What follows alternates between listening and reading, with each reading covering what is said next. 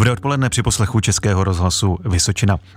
Na železniční trati z Brna do Havlíčkova Brodu začne tento pátek neobvyklá situace. Cestující mezi Křižavon, Křižanovém a Vlkovém u Tišnova budou sedm měsíců vozit náhradní autobusy. Je to kvůli velké vlakové výluce, která ovšem nezačne. Jak k tomu došlo, to vysvětlí redaktor František Jirku. Dobré odpoledne. Dobré odpoledne. Jak se stalo, že 1. března začne na pomezí Jihomoravského kraje a Vysočiny platit výlukový jízdní řád, ale bez výluky? Abychom to vysvětlili, musíme se vrátit eh, dva roky naspět, kdy zpráva železnic původně plánovala, že celou dvojkolejnou trať zrekonstruuje za takzvaného jednokolejného provozu. S tím počítal i nákladní dopravce City Rail. Jak eh, říká jeho zástupce Jan Hruška, železničáři loni názor změnili a navrhli kompletní uzavření trati. To je skutečnost, která nám vadí a to proto, že jsme si po této trati naplánovali nějaké pravidelné trasy vlaků, které využíváme neříkám, že denně, ale využíváme k odvozu nákladních vlaků pro naše zákazníky. Realisticky to znamená s těmito vlaky jezdit přes Kolína Českou Třebovou, což samozřejmě sebou nese zvýšené náklady, který nikdo nějakým způsobem nákladní dopravě nekompenzuje. Firma podala podnět k úřadu pro přístup eh, k dopravní infrastruktuře a ten výluku zakázal.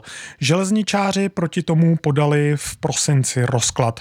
Na konci loňského roku ovšem úřad přestal existovat, eh, respektive teď funguje jako oddělení úřadu pro ochranu hospodářské soutěže. A jeho předseda Petr Mlsna minulý týden původní rozhodnutí zrušil a vrátil k novému projednání. Dodává mluvčí antimon antimonopolního úřadu Martin Švanda. Důvodem zrušení byla především nepřeskoumatelnost a nejasné vymezení okruhu účastníků řízení. E, nyní tedy řízení bude vráceno zpět do první instance, která musí opakovaně rozhodnout a tentokrát v souladu se závazným právním názorem e, předsedy úřadu. Danou výluku není možno provést do okamžiku, než je pravomocně schválena. Úřad tak teď vrací celou věc k projednání znovu sám sobě.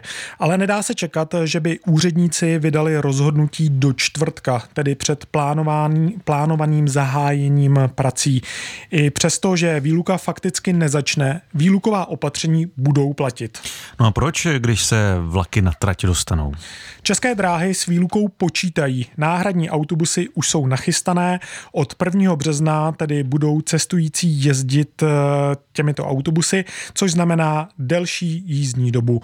Jak to bude vypadat, popsal Květoslav Havlík, mluvčí společnosti Cordis, která na jihu Moravy koordinuje veřejnou dopravu. Tady tato výluka se týká hlavně těch, kteří směřujete třeba z Kuřimy, z Tišnova ve směru do Prahy, rychlíky R9, a tady ty budou z Brna hlavního nádraží odkloněny mimo Tišnov, mimo Královo pole, přímo do Křižanova a pokud tedy byste chtěli jet z Králova pole nebo z Tišnova, případně z Kuřimy eh, ve směru na Prahu, tak je potřeba použít eh, standardní osobní vlaky a přestoupit z nich eh, ve Velkově na autobusy náhradní dopravy.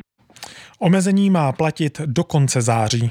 Co na takové komplikace říká zpráva železnic? Železničáři říkají, že je trať nutné rekonstruovat za plného vyloučení vlaků, tedy při takzvaném nickolejném provozu, který taky dobu výluky zkrátí.